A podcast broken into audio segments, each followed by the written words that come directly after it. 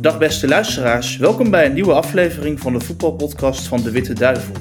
De play-offs hebben weer een weekend achter de rug en er is een kanteling geweest. Misschien een beslissende, misschien niet, de tijd zal het leren. Het licht daarover zal worden geschenen door eh, de vertrouwde gezichten. Uh, mijn naam is Jan-Willem Spaans, ik ben uh, vandaag ook weer verheugd te kunnen verkondigen dat ik in het gezelschap ben van Eddy Snellers en van François Collin. Ik geef François graag het woord. Dankjewel Jan-Willem. Eddy, we hebben een nieuwe leider in uh, ons voetbal. Is dat de laatste ook? Die kans is, uh, is groot. We hebben dat op voorhand al gezegd, gezien de nederwaartse tendens bij Union in de competitie, de laatste wedstrijden. En het, en het parcours van Club Brugge was er toen al wel voorspeld dat het voor Union moeilijk ging worden. Ze hebben zich wel een beetje gerehabiliteerd in die eerste wedstrijden van de playoffs. Maar aangezien het koningskoppel, waar dat Union toch al zo heel lang opteert en zoveel uh, bravoure heeft uh, meegebracht, uh, een beetje aan het, aan het stagneren is, ja, worden ook de kansen van Union natuurlijk op overwinning iets kleiner. En dat bleek niet alleen op Antwerpen, maar ook gisteren thuis tegen Club Brugge, dat dat misschien op dit moment wel het, het euveltje is waar dat Union mee te kampen heeft. En daardoor komt nu Brugge volledig tegen de gang van het spel in, moet ik eerlijk toegeven komt Brugge toch met die drie punten weg en komen ze ook aan de leiding. En het zou wel eens kunnen dat dat inderdaad een definitieve... Het zou wel eens kunnen, dus we moeten altijd in de voorwaardelijke wijs spreken, maar het zou wel eens kunnen dat dat een, een definitieve situatie is. Het keerpunt uh, van die wedstrijd was de gemiste strafschop uh, van Van Zer, die stilaan van hero to zero is aan het uitgroeien. Ja, zo snel kan het gaan in voetballen, maar ik zou hem toch nog altijd een hero willen blijven noemen, gezien zijn verdiensten over het ganse jaar. Natuurlijk, hij heeft met zijn impulsiviteit heeft hij natuurlijk wel Union parten gespeeld. heeft dan die schorsing gehad. Een beetje de, een, een, een onnodige reactie op Charleroi, dat hem toch enkele weken heeft gekost, waardoor dat Union toch in die periode ook wat minder punten heeft gehaald.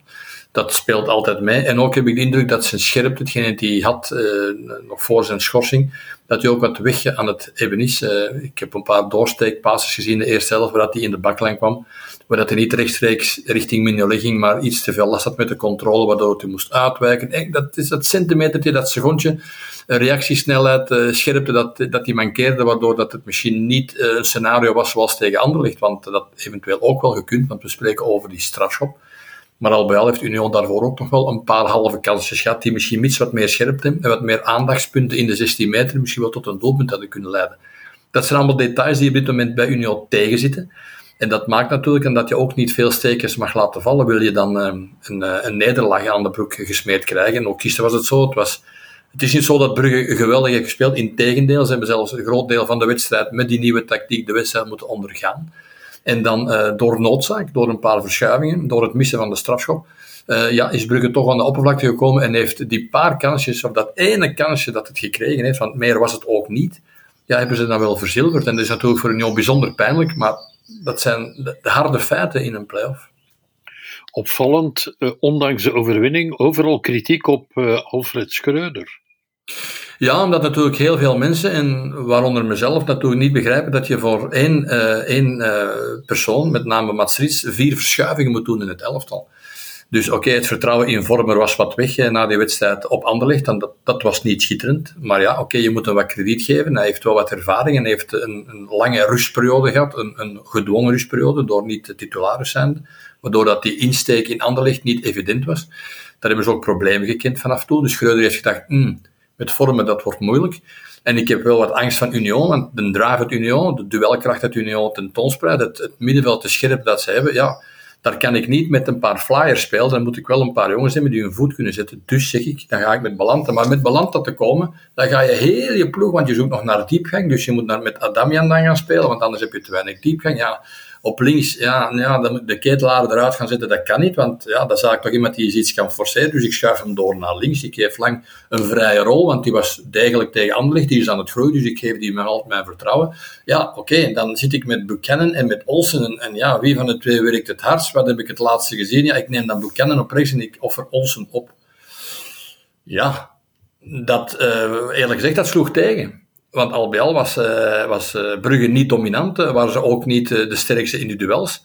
geleidelijk aan in de wedstrijd werd Union sterker en sterker, alleen in en rond de 16 meter. En met het falen van die strafschop ja, is Union niet op voorsprong gekomen. En dan heeft hij een beetje noodgedwongen toch gaan wisselen. En dan is Olsen in de ploeg gekomen, is er meer diepgang gekomen, meer snelheid. Ja, en heeft hij toch op zeker moment Union pijn kunnen doen met die 1-0 of die 0-1 tot gevolg. Dus het waren een beetje samenloop van omstandigheden, maar zijn instaptactiek, van te zeggen, ik ga hier alles stabiliseren, ik ga hier de wedstrijd onder controle houden met een verstevigd middenveld, dat uh, kwam niet uit, want dat middenveld had helemaal geen controle over de wedstrijd. En het aantal kansen dat dan werden gecreëerd, uh, ja, de Ketelaar heeft meer linksback gespeeld, Buchanan meer rechtsback uh, dan, dan, dan aanvallende middenvelden. Dus ja, de wedstrijdsituatie bleek dan toch helemaal tegen te zitten. Dus de inschatting, ja, die was niet juist. En daar kan je dan pech mee hebben en tweede nul om je oren krijgen. En dan krijg je natuurlijk een golf van kritiek, want dan zou het wel eens goed gespeeld kunnen geweest zijn. Maar nu natuurlijk valt het mee. Gebruikt Union niet de opportuniteit. En ja, kunnen ze nog zelfs eh, de drie punten mee naar huis nemen. En dan wordt natuurlijk de kritiek wel gegeven, maar onder heel zachte omstandigheden, omdat je natuurlijk met drie punten mee naar huis gaat. Woensdag winnen betekent de titel voor Club Brugge. Ja. Maar het gaat wel helemaal anders moeten voetballen. Brugge heeft nog niet goed gevoetbald. Hè? In, uh, buiten misschien het eerste 25 minuten tegen Anderlecht. Op Anderlecht, dat vond ik ze wel goed. Toen moesten ze ook een strafschop krijgen. Dus daar was het scenario dan eigenlijk tegen, onterecht.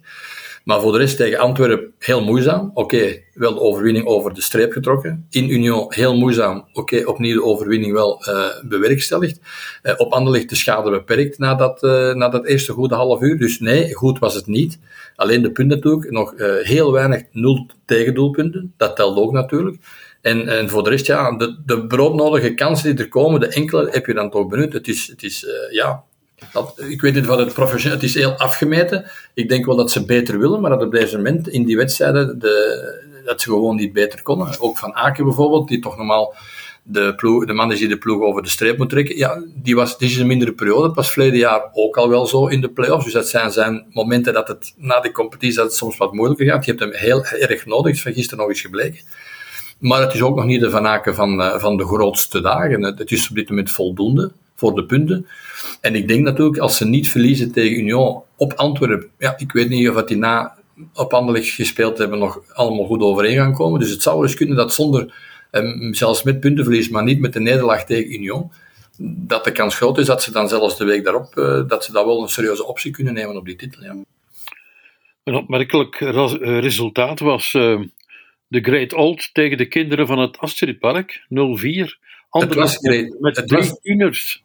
Ja, maar het was ook wel echt great old. Dat moeten we wel durven stellen. Hè. Vooral het tweede woord was inderdaad eh, van toepassing.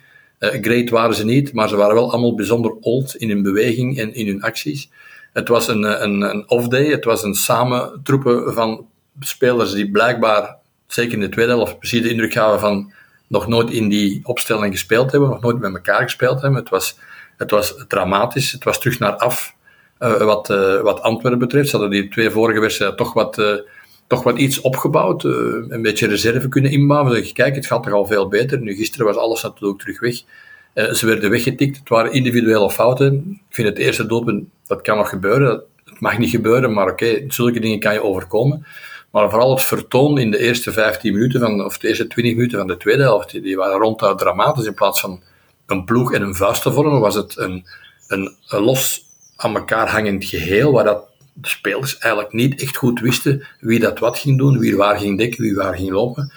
Ik heb daar mensen uit posities zien lopen die in posities kwamen waar ze volgens mij in hun leven nog nooit niet hadden gespeeld, maar dan toch maar naar daar gingen uitgeweken worden. Dus het was echt een, een, een, een drama. En, en vooral een drama vind ik voor de trainer, want die, staat al, die stond al vier, vijf keren soms terecht en ook meestal wel onterecht, zeker in de beginfase van een competitie, onterecht ter discussie. Ja, met deze wedstrijden en met deze uitslagen doe je hem natuurlijk, gezien de situatie, doe je hem zeker geen goed. Hè. Dat is niet iets dat je moet, uh, ja, ondanks alles, dat moet je natuurlijk wel durven vaststellen. Antwerpen moet nu vooral hopen dat uh, agent de Europe Playoffs wint. Dat gaat wel de goede richting uit, dus er zit nog altijd wel Europees voetbal in voor de Bosuil. Ja, ik zou ze ook niet uh, willen koppelen aan een barragewedstrijd met Racing Genk. Want dan denk ik dat de kans op uh, naast het Europees ticket pakken, dat dat uh, uiteraard wel aanwezig is. Dus ik denk dat ze vooral hopen dat Gent, en dat doen ze ook wel aan Gent moeten zeggen, en dat siert Gent, dat ze ondanks het feit dat ze al een, een echte prijs hebben, dat ze toch ook in deze competitie, die voor eigenlijk nu op dit moment toch wat ondergeschikt is.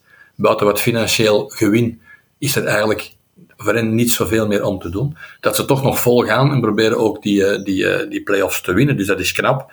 En dat is in ieder geval zeker en vast ten voordeel van Antwerpen. Ja, want uh, nog wedstrijden van de deze, of zelfs iets beter, eh, gaat niet eh, voldoende zijn. Maar het is alleen maar een constatatie dat Antwerpen eigenlijk in zijn geheel, over het ganse jaar toe, een kern heeft die speeltechnisch bekeken eigenlijk te beperkt is. Dus ik denk dat de Overmars, hopelijk krijgt hij wel wat geld mee van, van Gijzen, dat hij daar toch zeker iets moet aan doen, want er wordt veel verwacht van die kern, maar aan de bal is het het ganse jaar dramatisch. Is dat alleen een fout van Priske? Ik vind van niet. De opstelling, tactiek, zoals gisteren de omschakeling, dat is een verantwoordelijkheid van de trainer. En dat kan meevallen, dat kan tegenslagen. Gisteren sloeg het enorm tegen. Bij Schreuder was het ook een fout, maar het viel mee. Zo heb je twee, twee dezelfde situaties, maar een ander resultaat. Maar vooral, vooral in balbezit, het, het aanvallend compartiment, de creativiteit.